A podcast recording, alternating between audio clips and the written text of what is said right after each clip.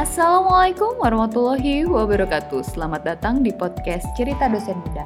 Podcast ini adalah rekaman dari live Instagram aku bareng teman-teman setiap malam minggu. Kalau mau cek, lihat aja di IGTV aku at Rafidila R H A F I D I L L A. Wah, udah masuk ke episode 6 aja ya. Di episode ini aku bareng dosen Ilmu Komunikasi Fakultas Ilmu Sosial dan Ilmu Politik UIN Raden Fatah Palembang. Namanya Putri Citra Hati, MSOS. Mau tahu cerita lengkapnya? Selamat mendengarkan. Uh, dia di apa? YIN Pontianak. Bareng sama Uri ya? Iya, tapi dia sebelumnya di apa itu di Spain kayak gitu. Nah kemarin keterima CPNS di situ tapi nggak tahu belum SKB ini kan gara-gara pandemi ini.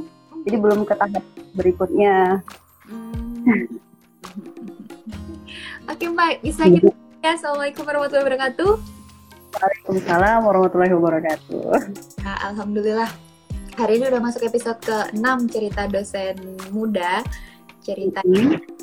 uh, kita ngobrol-ngobrol aja tentang kehidupan kita kehidupan kita sih sebagai dosen muda. Nah hari ini teman-teman terima kasih sudah bergabung. Aku bareng sama Mbak Putri Citra Hati, bener Mbak ya? Iya. Nah, Mbak Putri biasanya aku ingatnya pokoknya Mbak Put, Mbak Put. ya, Mbak Put ini sekarang udah ngajar di Universitas universitas. Di IAIN maaf. Uh, Win Win Win udah Win. Uh, uh, udah Win. Win uh, Raden Patah Palembang. Iya.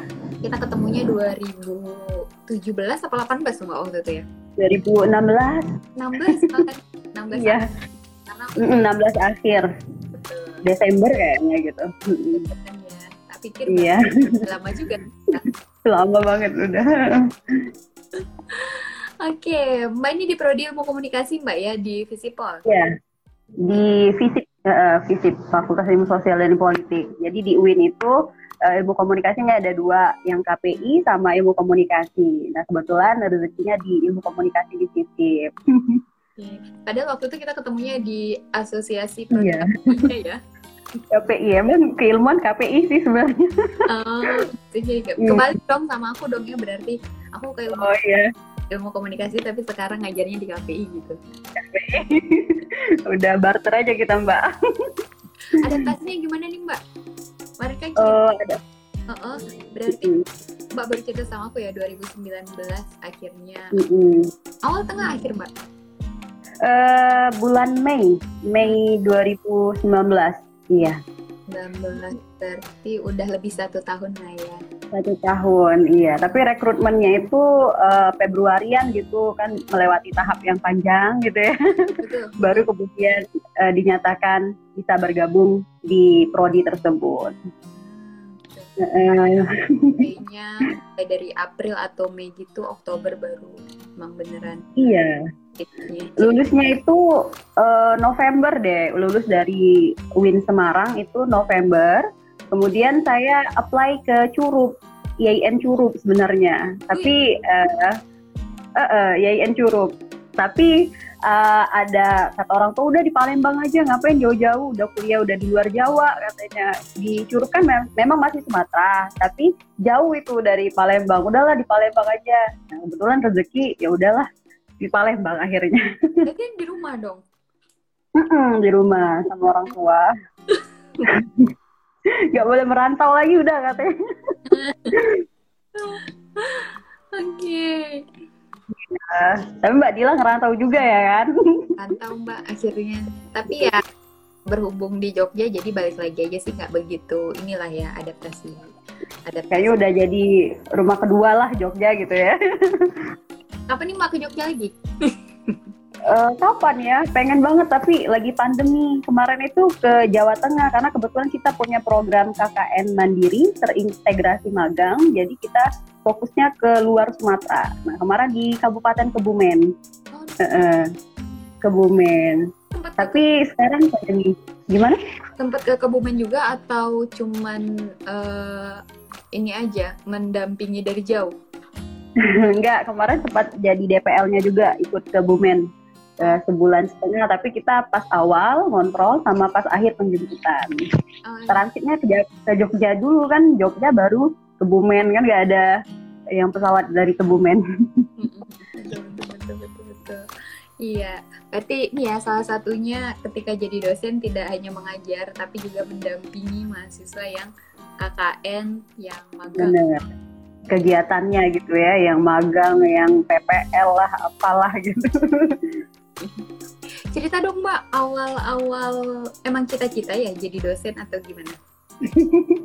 uh, kalau cita-cita sebenarnya setelah setelah lulus kuliah deh baru baru muncul itu cita-cita karena dulu waktu S1 sebenarnya cita-citanya pengen kayak praktisi kayak broadcast gitu ya yang terjun-terjun ke announcer gitu nah tapi uh, dari kuliah S1 emang udah pernah siaran gitu. Dan kata orang tua uh, cari yang ini aja lah katanya yang gimana gitu. Kalau siaran bisa bisa sambil tuh kalau siaran gitu. Nah yang benar-benar uh, tetap gitu. Ya udah uh, gimana kalau apa kuliah lagi aku bilang gitu aduh katanya di Palembang aja gitu kan aduh nggak ada di Palembang maksudnya tuh jurusan aku nggak ada ya ada yang di luar Jawa gitu ya Jakarta Jogja Semarang gitu itu orang tua ngerestonya di Semarang jadi ke Semarang lah dan bertemulah kita waktu itu kan Mbak ya.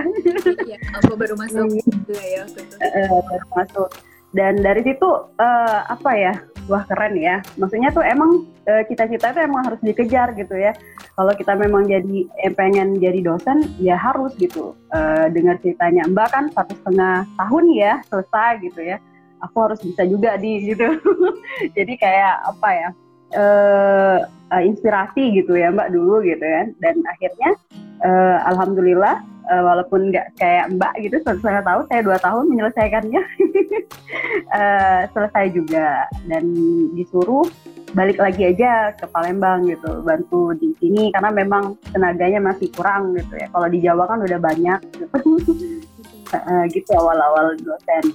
Terus apa lagi ya? Uh, uh, misalnya untuk uh, apa tuh adaptasi gitu ya, karena memang baru, terus kemudian uh, alhamdulillah prodi kita baru mbak baru tahun 2016 yang saya masuk itu dia baru ngebentuk. Jadi prodi saya itu pecahan dari Fakultas Dakwah. Fakultas Dakwah kan uh, ada KPI-nya. Nah di fisik ini memang benar mau ilkom aja murni tambah embel-embel Islam karena udah UIN ya lingkupnya. Jadi eh, terbentuklah apa Fakultas Ilmu Sosial dan Politik mempunyai dua prodi, ilmu komunikasi dan ilmu politik. Nah, jadi ilmu komunikasi itu sesar ya bahasanya tuh sesar dari Fakultas Dakwah. Nah, jadi saya bergabung itu tahun 2019 dan rata-rata dosen yang di situ dosen saya waktu S1 dulu. jadi jadi uh, agak canggung gitu ya.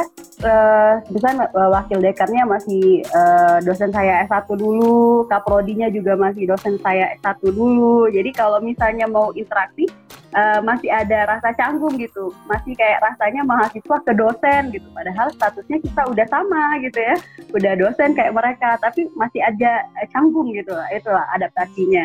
Tapi uh, udah jalan satu tahun, uh, apa ya, udah udah enakan gitu kayaknya uh, bapaknya paham deh kamu kok masih masih canggung sih? Udah santai aja gitu. Karena mungkin dulu bawa bawaan bapaknya killer kali ya pas waktu ngajar dulu gitu ya. Ngajarnya metodologi penelitian. Jadi kayak masih masih terbayang gitu aduh tugas nih aduh. Gitu loh mbak. Awal-awal sih adaptasi sih seperti itu. Mm. berarti uh, emang setelah lulus kemudian berpikiran enak nih ya kayak jadi dosen awal-awalnya. Setelah jadi dosen nih Mbak, sesuai ekspektasi nggak kira-kira? Uh, uh, sesuai ekspektasi sih uh, berbicara sukanya dulu ya.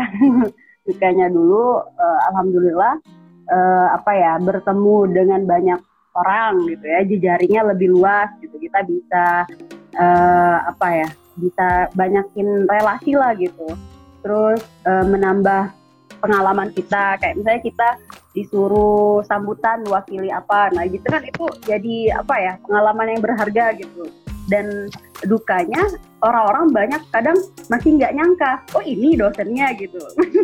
Waktu itu pernah uh, pelepasan apa gitu ya.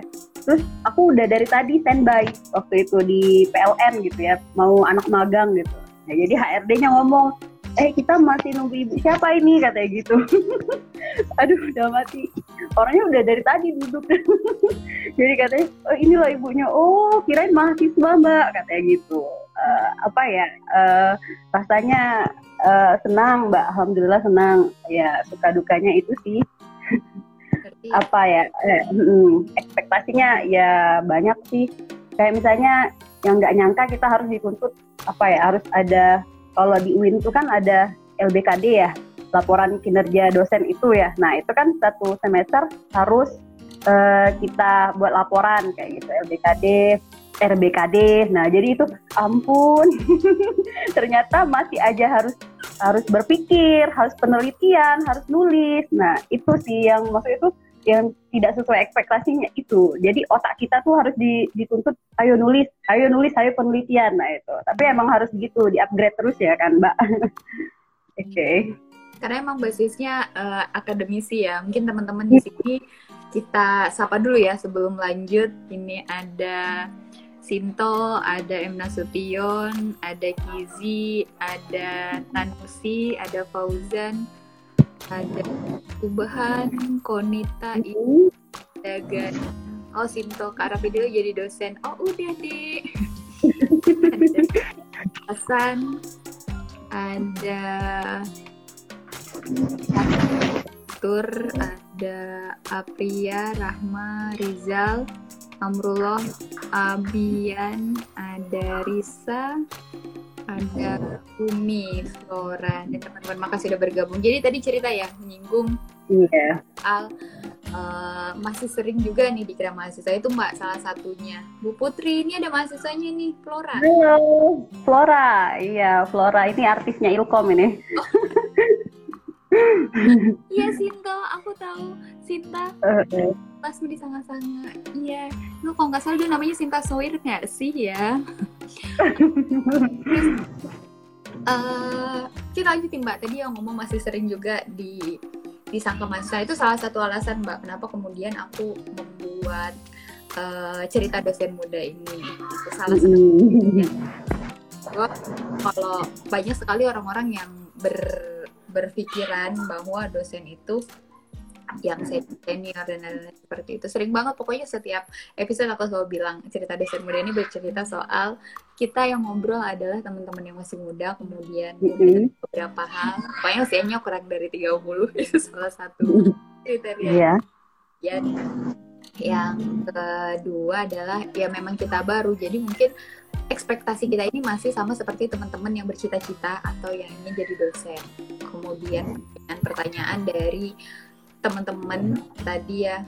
Oh ini ya dosennya kemudian. Kok bisa jadi dosen? Jadi kita ini kita beberapa masuk ya karena tanyakan juga ke Mbak Putri atau kita cerita-cerita. Tapi nampaknya yang nanya belum hadir. Nanti kalau yang nanya udah datang kita akan jawab. Oke, okay. ini boleh nih mau nanya nih anak-anak Ilkom nih kayaknya ada yang hadir. oh, siap, boleh nih ya. Kalau iya boleh nanya silahkan gabung mau sapa-sapa uh -uh. tinggal di klik di komen aja deh kayak siaran radio lah. Iya. tidak mengurangi nilai kok. Emang sana masih ini mbak ya, kuliah atau gimana? Uh, libur? Iya masih daring sekarang. Uh, tapi ada tuh kayaknya ada anak bimbingan aku tuh join tuh. Siapa tuh? Subhan ya? Halo Subhan. Uh, uh, uh.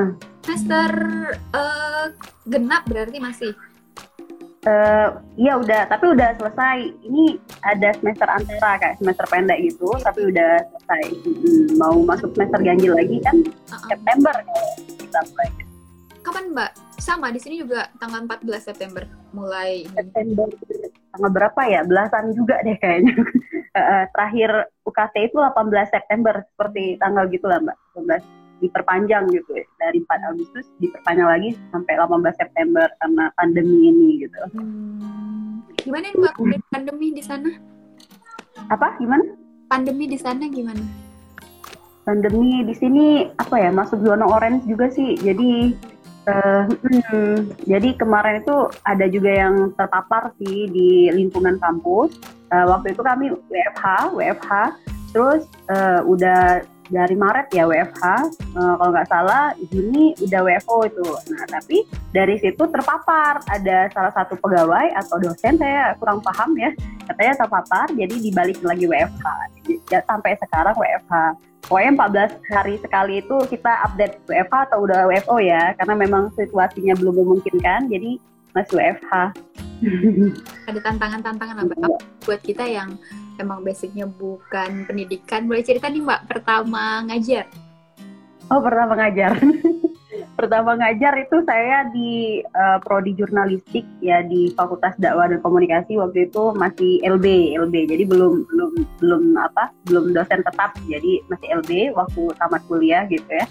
Dan waktu itu komunikasinya fisip ini belum belum waktu awal awal ngajar. Saya di FISIP itu Mei. Nah sebelum itu kan saya tamat itu November. Jadi Januari kan udah mulai ngajar tuh. Jadi uh, ngajar uh, jadi nunggu mahasiswa. Saya yang nunggu mahasiswa bukan mahasiswa yang nunggu dosen gitu kan. Awal-awal ngajar. Jadi duduklah. Mbak katanya ikut MK ngulang ya? Gitu. Jadi oh aku diam aja. Oh ini dosen siapa? Aku bilang ini ibu baru kayaknya katanya gitu. Kita tunggu aja mbak gitu. Dengan enaknya gitu ya ngomong gitu. Oh ya udah aduh sabar sabar gitu ya. Udah sampai uh, kok masih belum ini aku bilang apa masihnya masih belum ramai itu udah lewat eh, uh, 30 menit lewat gitu ya. Uh, belum datang banyak mahasiswanya itu. Belum datang habis itu datang semua. Dan saya maju ke depan. Mbak asisten dosen atau gimana gitu. Sebentar ya saya buka dulu aku bilangin gitu. Oh maaf mbak maaf mbak. Eh, ibu maaf ibu gitu. Semuanya langsung ibu ibu gitu. Jadi uh, apa ya pengalaman yang sangat berkesan sih itu. Ya aku nggak bilang itu apa pengalaman jelek nggak nggak juga. Tapi ada juga sedikit bangga oh berarti kita masih muda ya masih dianggap kayak mereka gitu ya gitu. Dan uh, itu apa ya awal pertama kali ngajar gitu. Kalau misalnya untuk uh, nervousnya apanya uh, awal-awal adalah. Tapi kan dari situ kita belajar gitu. Uh, karena MK-nya ini terkait tentang ilmu komunikasi jadi nggak terlalu susah ya mbak ya. Karena memang benar-benar background kita ilmu komunikasi kayak komunikasi antar budaya jadi kita lebih enak jelasinnya kita kasih contoh yang real dan anak-anak apa memahami gitu. Pengalaman awal ngajar gitu. Salah satu okay. kita belajar komunikasi itu mbak ya karena apa yang kita kerja kita sambil mengaplikasikan gitu nggak sih? Iya contoh contohnya juga gampang banget di mana-mana ada gitu ya. Iya, jadi uh, apa ya enak kalau apalagi kita uh, ngampunya MK komunikasi antar budaya gitu. Dan kita udah di budaya yang berbeda dan kita memang benar-benar ngalami shock culture-nya gimana gitu ya. Proses asimilasinya gimana adaptasinya. Jadi lebih enak gitu nyampain ke mereka. Dan mereka juga nggak canggung gitu sih kalau masalah tentang untuk pendidikan. Karena memang kan komunikasi itu kan uh, yang efektif gimana gitu kan kita terapkan di lapangan seperti itu mbak. Oke, mas sebelum lanjut nih kita apa lagi ya yang udah bergabung tadi ada Flora dan ada Mbak Friski, ada hmm. ini ada yang nyapa nih. Ini siapa nih Mbak? MSP, Bu Putri katanya. Oh, siapa ya itu? Aduh. Inisial sih. ini uh, siapa ya? Kayaknya udah alumni ya, udah alumni kayaknya. udah udah tamat. Eh, siapa ya itu? Lupa saya. Oke, ada Oh ini Om Om Asrani, kemudian ada Pak Shiva, Sasmita nih. Halo Sasmita, hai. Halo. Oh iya Sasmita. Mm. Oke, okay. uh, uh. ini Mbak tadi ya pengalaman. Kadang-kadang kalau aku kan salah satu kesulitannya adalah menghafal banyak sekali nama mahasiswa. Uh, oh iya, uh, aku juga kesulitan sih. Uh, Mm-mm. kesulitan sih misalnya mau ngenalin tapi aku punya jok-jok tersendiri aja deh karena ada beberapa kelas itu kan uh, suka biasanya dia tuh uh, grup-grupan gitu ya. Uh, ini geng gua nih ini gue juga gitu kan. Jadi uh, misalnya kita uh, satu aja misalnya kita hafalin. Eh ini misalnya uh, namanya inisial siapa gitu. Temanmu mana? Padahal kita nggak tahu kita nggak nggak hafal gitu namanya. Itu loh yang ini gitu oh itu bu gitu. Nah memang uh, tapi saya eh, sama sih mungkin uh, masalahnya itu ya mbak ya. Uh, kita susah menghafal nama uh, karena memang banyak mahasiswanya dan uh, tapi kita nggak lupa gitu kita tahu oh ini anak ini gitu ya ya maklum lah gitu ya kita satu orangnya 40 kadang 35 kadang berapa dan nggak satu kelas kita ngajar gitu ya ada enam kelas di fakultas lain juga kita ngajar gitu dan itu uh, masya Allah riuh sekali gitu ya kalau mau mengingat nama satu-satu. Iya benar itu jadi uh, harap maklum ya kalau kemudian dari tapi wajah aku selalu ini namanya siapa lagi tuh iya, ada bener, bener, bener. mahasiswa itu namanya mirip banget Iya, iya. iya. Jadi suka tukar-tukar kayak gitu. Oke, okay. yeah. ini lanjut ini ada yang nanya nih, Risa. Tipsnya Bu, motivasi Ibu untuk menjadi dosen apa? Oh, tipsnya ya. uh, pertama, uh, kalau memang sekarang lagi kuliah, fokus, kejar target maksimal uh, selesai tepat waktu. Walaupun IPK kita berapa gitu intinya tepat waktu. Karena orang tua mengharapkan kita lulus dengan tepat waktu. Mau jadi apa setelah itu yang penting tepat waktu itu ya. Uh, kemudian apa ya apalagi tipsnya? Uh, kalau misalnya lagi bimbingan misalnya lagi lagi galau nih mau menyelesaikan uh, perskripsian gitu ya. Ya udah sering-sering komunikasi gitu. Karena dengan kita sering komunikasi sama dosen bimbingan masalahnya akan mengecil. Kalau misalnya tidak masa pandemi sering-sering ngampus gitu ya. Karena dengan kampus di kampus itu kan ada aja gitu ya. Kita menemukan uh, banyak inspirasi dan ide gitu. Kemudian apalagi tadi? Motivasi ya. Motivasi pengen jadi dosen gitu apa ya pengen pengen jadi yang uh, karena UIN gitu ya. Saya melihat UIN UIN waktu saya S1 dulu itu jarang banget gitu yang dosennya masih masih enak diajak ngobrol gitu ya. Yang masih ya easy going lah gitu loh mbak ya gitu kan. Yang rata-rata kan udah sepuh yang rata-rata yang yang kita kayak udah ustazah gitu. Pasti kita mau curhat atau apa masih singku nah saya pengen gitu uh, pengen wah saya pengen ini nih harus jadi dosen yang bisa merangkul gitu loh yang yang mahasiswa yang mau ngajak curhat ayo yang mau ngajak bimbingan ayo gitu ya. Tapi dalam tanda kutip tetap pada koridornya gitu.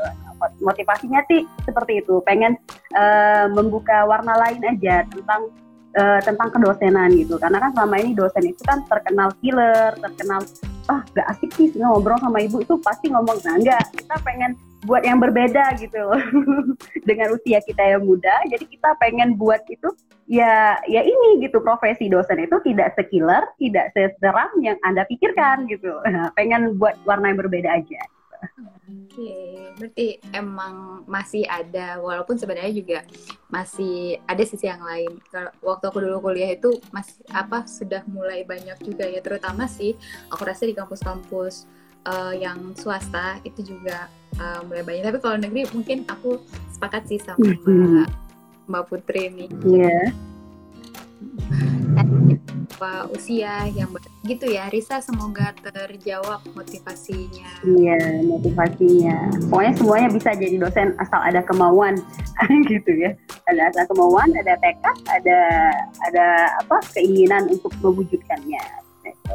Oke ini ada pertanyaan masuk dari DM nih mbak aku bacain aja ya mm-hmm. nanyanya persyaratan jadi dosen biasanya apa bu ini dari oh persyaratan Oke, okay, terima kasih. Uh, yang pasti yang paling mutlak harus S2 gitu ya. Iya, kalau mau jadi dosen ya harus dua ya logikanya kalau mau ngajar mahasiswa harus uh, stratanya lebih tinggi dong ya. Kayak kita misalnya ngajar SMA harus otomatis harus tamat S1 dulu, udah gitu. Nah kalau kita mau ngajar anak S2, otomatis kita harus S3 dulu gitu ya. Uh, jadi yang pertama tuh harus itu dulu apa S2 ya, sampingin S2. Kemudian saya anjurin sebaiknya linier gitu kita ambil mat, apa ambil perkuliahan itu linier biar kita gampang untuk mengaplikannya kepada mahasiswa kita gitu dan kalau kita linier itu uh, insya Allah lebih lebih luas gitu loh apa rezeki yang kita dapatkan kayak misalnya kan kita mau pendaftaran apa kalau linier itu kan lebih diprioritaskan gitu Iya, itu secara umum sih. Kalau secara khusus mungkin uh, ada pendekatan-pendekatan lah gitu ya.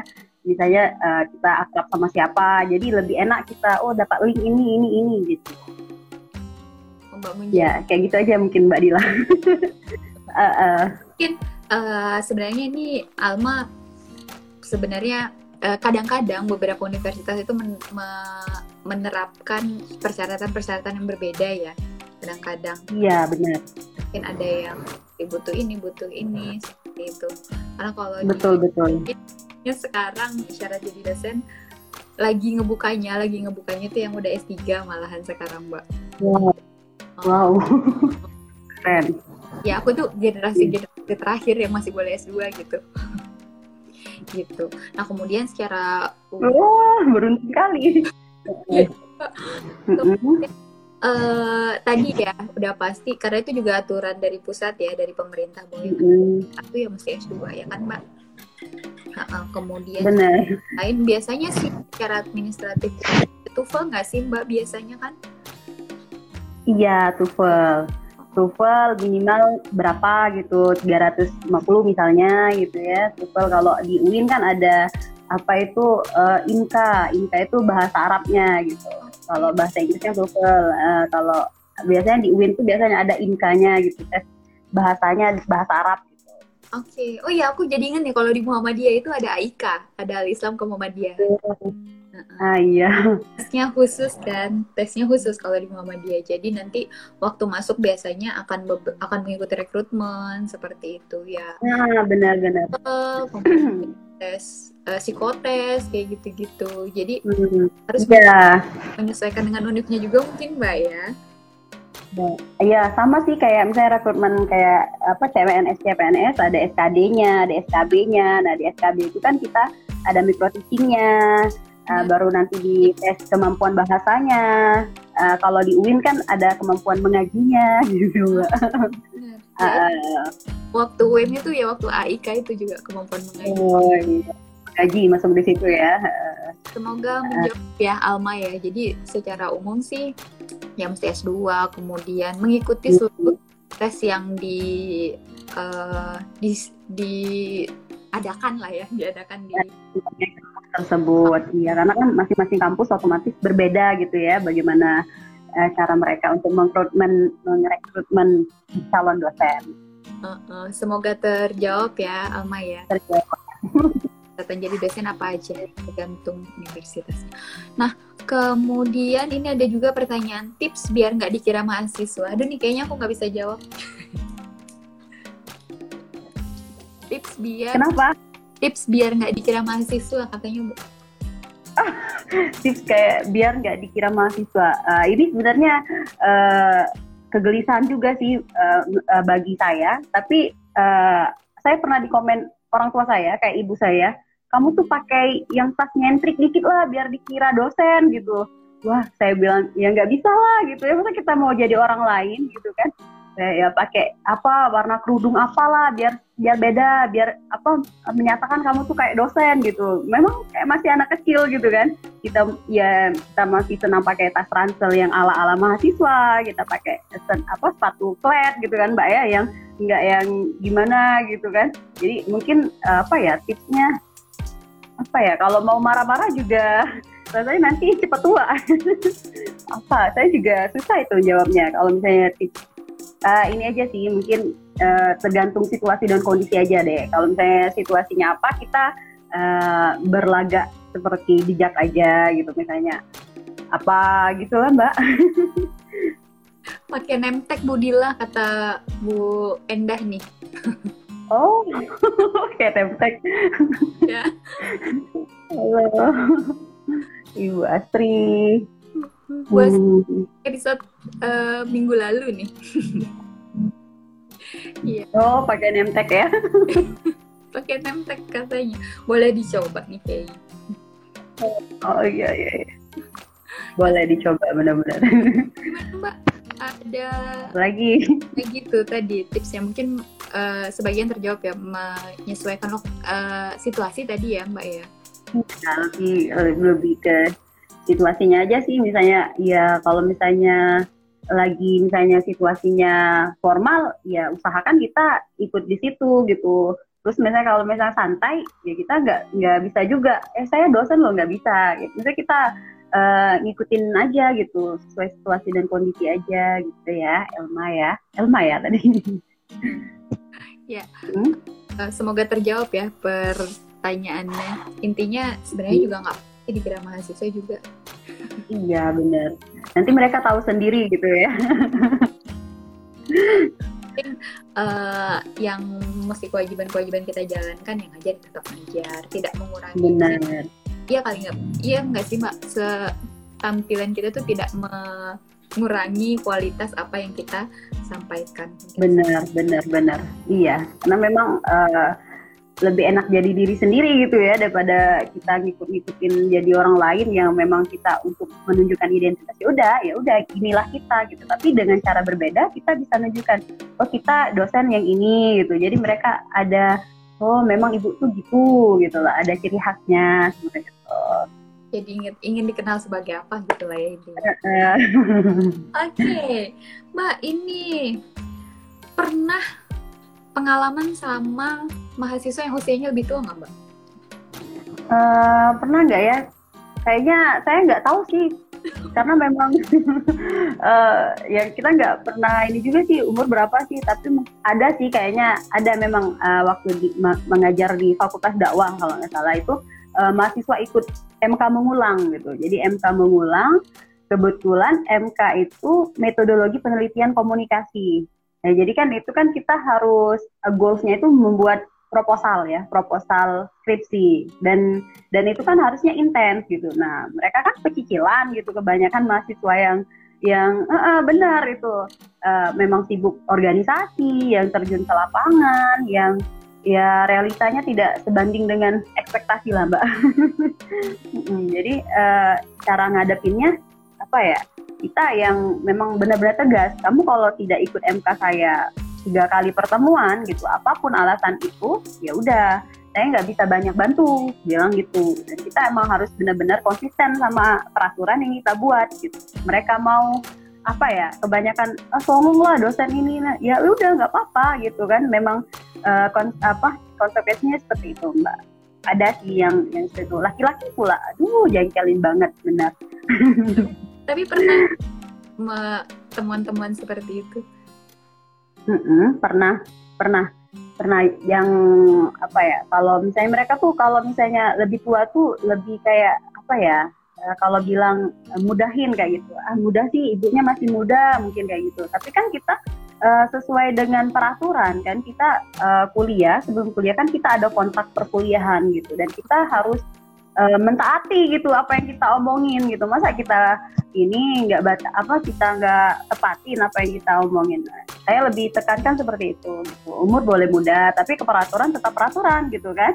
Kalau kalian uh, jarang masuk ya saya kasih nilai yang sama atau bahkan lebih jelek dari sebelumnya. Itu aja sih. Uh, biar ada ada killer lah. Jadi harus kasih hmm. apa ya tanda dari awal ya walaupun uh, uh, Iya, buat buat pelajaran dia sih. Oke. Okay. Mbak, kita sapa dulu ya Mbak. Ini ada tadi Risa. Terima kasih Bu sudah menjawab katanya. Semoga terjawab Sama ya. Ada Sania, ada Ajeng, ini ada Bu Diah. Selamat bergabung. Ada Uswatun tadi ya Bu Wendah. Makasih Bu Wendah boleh uh, chat-chat di sini lagi ya bantu jawab kalau ada pertanyaan sulit. Ya.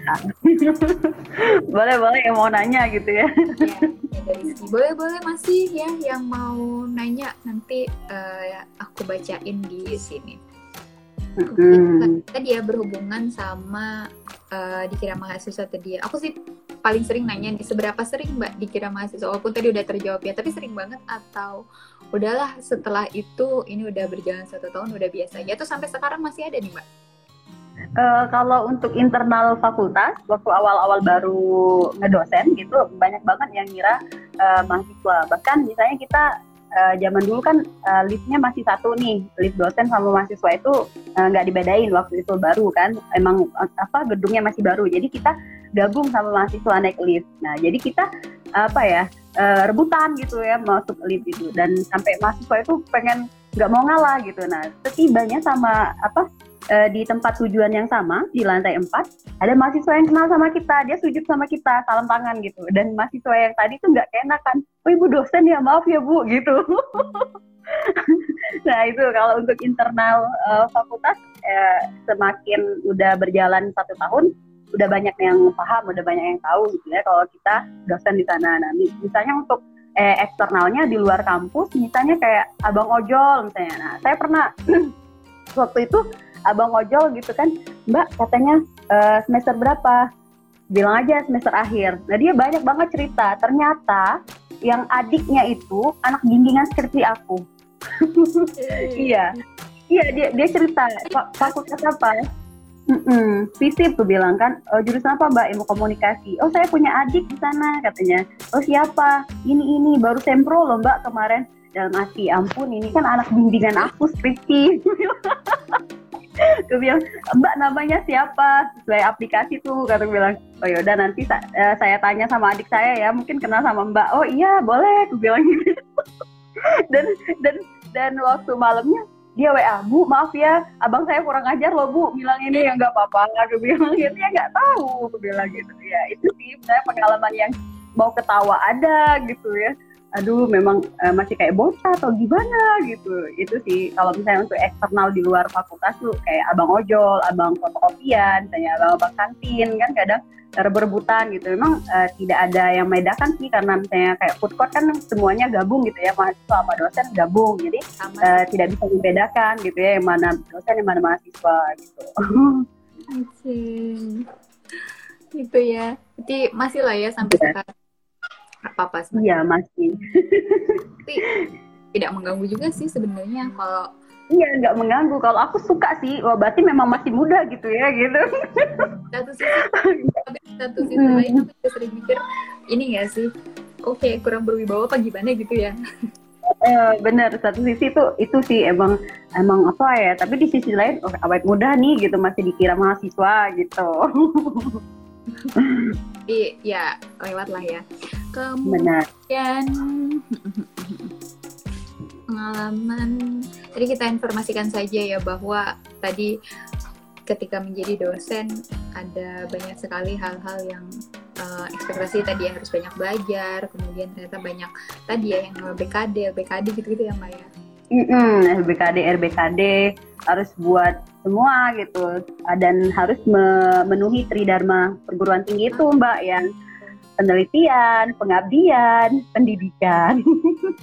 Kalau di Muhammadiyah empat mbak catur ada kemuhammadiyaan. Oh, oh kemuhammadiyaan ya. Eh, kalau di UIN sih itu sih pendidikan harus 12 SKS mengajarnya, kemudian uh, penelitian harus minimal satu SKS saja. Setidaknya kita menulis opini di media massa itu udah masuk. Pokoknya harus ada gitu ya. Kemudian uh, pengabdian. Nah, pengabdian itu berapa ya bobotnya? Saya lupa. Pokoknya harus memenuhi semua tiga item itu. Pendidikan, pengajaran, dan pengabdian. Oke, gitu ya. Ini juga salah satu apa ya? Hal yang mungkin teman-teman wajib ya, wajib ketahui ketika tahu kalau mau berkecimpung di dunia kedosenan gitu. betul banget mbak. Mbak ada berkesan? Berkesan apa? Hal yang paling berkesan nih yang paling diingat. Oh ternyata jadi dosen itu seperti ini seperti ini gitu. Ada nggak sih mbak? Uh, hal yang paling berkesan ya? Uh, selama menjadi apa ya menjadi dosen kurang lebih mau dua tahun ini. Apa ya? Uh, berkesan tuh uh, kita lebih lebih dihargain dalam arti oh iya ya misalnya uh, kalau misalnya kita kenalan misalnya uh, orang tuh lebih bangga ngenalin kita. Misalnya oh itu loh si Putri udah udah jadi dosen gitu. Jadi kayak memang bener-bener uh, profesi ini menjual banget gitu loh mbak gitu. Nah misalnya berkesannya tuh itu. Tapi kan balik lagi kita nggak boleh sombong ya nggak boleh ria kabur lah gitu. Nah apalagi. Dan uh, berkesan lainnya kita lebih apa ya um, lebih mengerti oh kalau udah jadi dosen tuh emang emang emang nggak bisa disamai waktu kita mau masih jadi mahasiswa emang harus ada tuntutan yang kita emang perlu kejam gitu sama mahasiswa biar mendidik dia gitu. Misalnya uh, kayak target bimbingan kan kita kalau kita uh, misalnya ayo bimbingan nah kita harus tegas gitu ayo kamu mau bimbingan selesai nggak? gitu. Nah harus ada ada apa ya kita ada tegasnya juga gitu. Nah uh, dan dari situ kesannya ada bahkan orang tua mahasiswa itu berterima kasih dan itu kayaknya tuh uh, apa ya waduh aku kan cuma melakukan yang hal yang maksud aku yang kewajiban ya tapi menurut mereka itu berkesan sekali karena ada mahasiswa yang mau akhir stadium akhir itu pokoknya dan saya yang benar-benar bimbing dan akhirnya dia itu selesai. Bahkan orang tuanya makasih banyak loh mbak ini ini. Mbak lo panggilnya. Ya aku bilang gitu. Nah ada yang berkesan tuh lebih kayak gitu loh mbak. Apa ya lebih uh, kita tuh bisa bisa mewujudkan impian mereka menjadikan anak mereka sarjana itu. Ada itu dan ternyata setelah kita jadi dosen aku sih merasanya banyak hal-hal yang tadinya itu kita tidak ketahui kemudian jadi kita ketahui di seluk beluk mahasiswa ya nggak sih karena benar. aku jadi pengen cerita nih. Nggak apa-apa. Setelah aku jadi dosen tuh aku tuh baru paham ya. Misalnya kalau dulu ketika aku jadi mahasiswa mungkin, mungkin ya mungkin aku agak terlalu apatis sehingga aku tuh jarang lihat sebelah sebelah aku. Ternyata banyak sekali kalau mahasiswa ada yang uh, kasusnya itu ya tadi ya mahasiswa-mahasiswa tingkat akhir yang ternyata dia itu di akhir bukan kemauan dia. Misalkan kayak dia harus bekerja dulu dia hmm. harus uh, keuangan kurang misalkan. Jadi dia harus bekerja dia harus ambil cuti. Ternyata tuh kalau dulu kan mikirnya ih anak ini kok lama sih kuliahnya ngapain aja? Dulu kan kayak gitu. Ya benar-benar. Ketika aku masuk di sini jadi dosen terus paham ya oh mahasiswa ini macem-macem ya ternyata. Mm-hmm. ada yang namanya tuh mbak muncul terus tiap KRS tapi oh. ada ada yang begitu. Iya benar ada yang uh, jadi barunya kan dibayar tapi dia nggak masuk padahal dia udah kayak ada ada juga itu. Yang di semester semester udah mau akhir udah mau masuk itu dia minta keringanan pembayaran jadi sebenarnya dia pengen kuliah tapi secara biaya agak kurang. Benar. Cari-cariin. Beasiswa nih cari di sini cari di sini. Akhirnya kita informasi. Jadi banyak sekali ternyata ya kisah-kisahnya mas. Aku juga baru tahu hal-hal seperti ini ketika jadi dosen kalau dulu kan sama sekali belum tahu. Uh, ada yang orang tuanya datang orang tuanya pengen anaknya kuliah tapi anaknya nggak mau kuliah. Itu juga ada. Ada banget bener. Ada yang dateng ada yang budehnya kalau nggak salah waktu itu yang dateng ada yang hmm. keluarganya dateng taunya anaknya kuliah ternyata nggak kuliah. Itu tuh ya ampun hal-hal yang tidak terbayang sama aku ketika waktu aku kuliah melihat teman-temanku yang nggak ada tuh nggak mikir. Tapi ternyata pengalaman uh, uh, mereka itu latar belakangnya tuh banyak banget. Jadi kita iya, benar-benar kemudian menjudge kok kamu lama banget kuliahnya kok kamu sebentar? Kayak gitu. Iya jadi kita uh, apa secara tidak langsung juga belajar sama mereka juga ya kan mbak ya? Kayak misalnya kita uh, jadi dosen pendamping lapangan dosen pembimbing lapangan misalnya kayak kita KKN jadi kan kita seminggu nih misalnya sama mereka bimbing mereka melihat apa uh, aktivitas mereka. Jadi kita uh, belajar juga sama mereka empatinya simpatinya sama teman-teman gitu rasa gotong royongnya gitu. Jadi kita bisa nilai oh anak ini misalnya di segi uh, menulis misalnya emang agak kurang tapi segi kreativitas bagus gitu. Jadi kita apa tidak bisa melihat dengan sebelah mata waktu kita menjadi mahasiswa dulu gitu. Dan penilaiannya itu kan jadi lebih bervarian gitu ya bervariasi. Oh anak ini memang uh, ini secara ini kurang tapi adab akhlaknya baik ya. Jadi kita menambah oh ya udahlah gini gitu. Tapi emang ada sih yang mahasiswa yang maksudnya tuh nggak uh, ada akhlak ada. Tapi baik kita uh, kasih apa sih kayak stimulus lah gitu. Eh kamu mau kapan kayak gini terus gitu kan. Uh, lebih kita aja uh, pendekatan aja sih. Lebih ke komunikasi persuasif aja ke mereka gitu. Dan ada sih yang mereka yang mau ikutin kita akhirnya uh, selesai juga. Ada yang maksudnya tuh uh, apa nggak dengerin kita dan akhirnya terbengkalai gitu kan. Udah udah semester berapa dan orang tuanya juga ikut ikut-ikutan nelponin kita gimana? Jadi kita kan uh, dilema juga sebagai dosen pembimbingnya. Kita kan cuma semester eh, pembimbing dua nggak nggak terlalu banyak gitu ya bantu kalau misalnya untuk uh, kelulusan mbak. Tapi kita bantu juga ayo stimulus ayo cepat mau cepat ayo gitu. Lebih gitu aja. Oke, okay. banyak ya pengalaman-pengalaman yang mungkin nanti terutama teman-teman yang pengen menggeluti dunia kedosenan lah ya. Benar. Itu. Oke mbak, ini berhubung pandemi, aku suka banget nanya, mbak ngajar pandemi kesulitan nggak? Uh, sulitan sih. Ada karena uh, rata-rata kalau mahasiswa di sini, kalau misalnya kebanyakan itu anak daerah mbak gitu. Jadi kalau misalnya libur nih, padahal nggak libur sih, secara bahasa kan uh, pembelajaran jarak jauh kan ya, tidak diliburkan. Tapi kan banyak nih mahasiswa yang angkat koper dah pulang pulang kampung mudik gitu ya kan.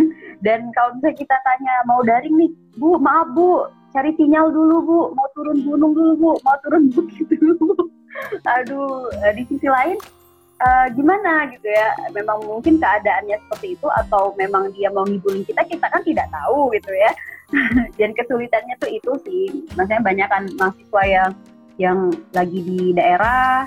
Jadi kita nggak bisa ngontrol nih anak ini benar-benar masuk nggak sih anak ini ya gitu. Mau zoom aja kan mereka absen sinyal WA aja pakai ini kan turun gunung dulu katanya gitu mbak. Kalau di daerah-daerah katanya mudik di daerah-daerah Sumsel yang pelosok itu.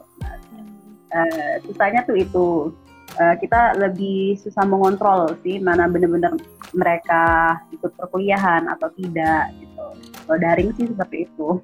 Gimana mbak akhirnya? Maksudnya uh, gimana? Akhirnya apa ya? Kalau yang nggak nggak ikut diskusi itu paling uh, kita minta ya sendiri aja lah review apa yang kamu ketahui sama tema ini. Itu aja sih misalnya misal misalnya dia tidak apa mengumpulkan tugas uh, kita balik lagi mau nilai bagus nggak ini katanya. Kita tanya gitu. Pasti kan mereka kan uh, mainnya dinilai kan mereka itu kan. Tidak dipungkiri kan mau gimana pun itu. Pasti mau nilainya bagus tapi mereka kan kadang nggak mikirin kita gitu. Kita udah standby mau zoom ini banyak kendala ini ini ini itu. Yang yang apa plus minusnya tuh itu sih negatifnya sama perkuliahan daring. Uh, lebih nggak leluasa kita jelasinnya. Kalau aku sih gitu mbak kalau perkuliahan dari banyak permakluman lah ya. Uh, apalagi MK-nya yang benar-benar kayak misalnya MC ya kan aku MK-nya MC dan protokoler kemudian ada retorika dan public speaking gitu kan yang maksudnya tuh yang kalau misalnya ketemu langsung gitu kan lebih enak gitu ya kan dindingnya gitu kan kita lebih lebih lebih jelasnya lebih legowo gitu. Nah kalau daring kan kita aduh gimana ini ini ini nah, komennya tuh lebih nggak leluasa gitu, gitu aja sih karena terkait dengan MK itu kan praktek gitu ya mbak ya ah, yes. hmm. aku juga nih semester depan dapat mata kuliah praktikum masih bener-bener oh. harus uh, seperti yeah. kuliahan uh, mayoritas lah ya kalau di tempat kami karena akhirnya SK terbaru tuh pilihan jadi mau offline oh. Online juga hmm tidak bisa memaksa mahasiswa yang sudah di rumah untuk datang, tapi kita juga oh. sih ketika mahasiswanya memang sudah ada di Jogja seperti itu. Oh gitu. Iya, katanya kan ke apa? Uh, dari ini kan sampai 2021 ya katanya kebijakan menteri. tapi kita belum tahu juga ya. Masih masih susah diprediksi lah ya, tapi semoga hmm. segera berakhir. Punah lah wabahnya, amin. Oke, sambil kita sapa lagi ini ya tadi ada Rizky Baim, ada Alfabet, ada Sania Saputri, ada Destri ya, Destri, mm-hmm. Mardanti, ada Messi, ada Rega Valentri, ada Wulan Sari. Terima kasih ya teman-teman yang sudah bergabung dan ini nampaknya satu jam itu emang nggak kerasa mbak Oh gitu ya. Padahal udah lama nggak ketemu ya Mbak Dila kita. eh iya terakhir itu yang itu ya waktu kita di Jogja ada Mbak Filga ya. Waktu ada temen dari Bengkulu itu ya. Oh iya itu 2017 itu ya. Aduh, lama banget. 2016 akhir itu terus ada datang lagi kan waktu itu. Iya, ya lagi kita benar-benar benar 2017 Oke, okay. itu Mbak terakhir seperti biasa uh, closing statementnya Mbak. Oke, okay, closing statementnya ya. Oke, berikan informasi atau motivasi kepada teman-teman yang dalam uh, langkah atau dalam jejak ingin, ingin masuk ke dalam dunia ke dosenan, terutama dosen okay. usia apa gitu? Oke, okay, uh, closing statement ya. Uh, siapa pun anda, di mana pun anda, ya yang menyaksikan program ini, kalau memang uh, pengen uh, punya cita-cita jadi dosen, ayo kejar gitu ya, jangan ragu-ragu gitu. Kalau misalnya uh, karena waktu terus berjalan. Kalau kita misalnya mikirin aduh ini gimana ya? Itu gimana? Nanti waktunya aduh tahu-tahu udah 2020 akhir gitu. Kan karena semuanya proses. Jadi kalau udah ada niat mau lanjut kuliah udah Bismillah gitu ya. Apa pun resikonya yang penting kita dapat restu orang tua untuk melanjutkan pendidikan kita. Dan insya Allah Allah permudah gitu ya. Dan uh, kalau jadi dosen itu uh, insya Allah benefit lah ya buat masa depan kalian uh, bisa ketemu banyak orang ketemu dengan relasi yang insya Allah sama-sama berjuang untuk memajukan pendidikan. Dan uh, pokoknya kalau memang pengen jadi dosen uh, lah kalian harus ambil kuliah lagi gitu ya. Uh, motivasinya jangan berhenti. Apa pun impian kalian mau itu dosen atau apa kalian tekadkan untuk mewujudkannya. Karena kalau kita udah niat kita udah bertekad untuk bisa mewujudkannya, insya Allah Allah dan alam semesta akan mengabulkan. Nah, karena uh, saya udah merasakan gitu ya, believe it gitu ya, percaya deh gitu. Terakhir itu aja sih, jangan lupa belajar, doa orang tua, dan berdoa kepada yang maha kuasa. Udah itu aja deh closing statementnya. Makasih banyak ya Mbak udah mau cerita di episode 6 aku. Iya, sama-sama. Sudah bergabung, semoga obrolan kita bisa bermanfaat untuk semua. Amin.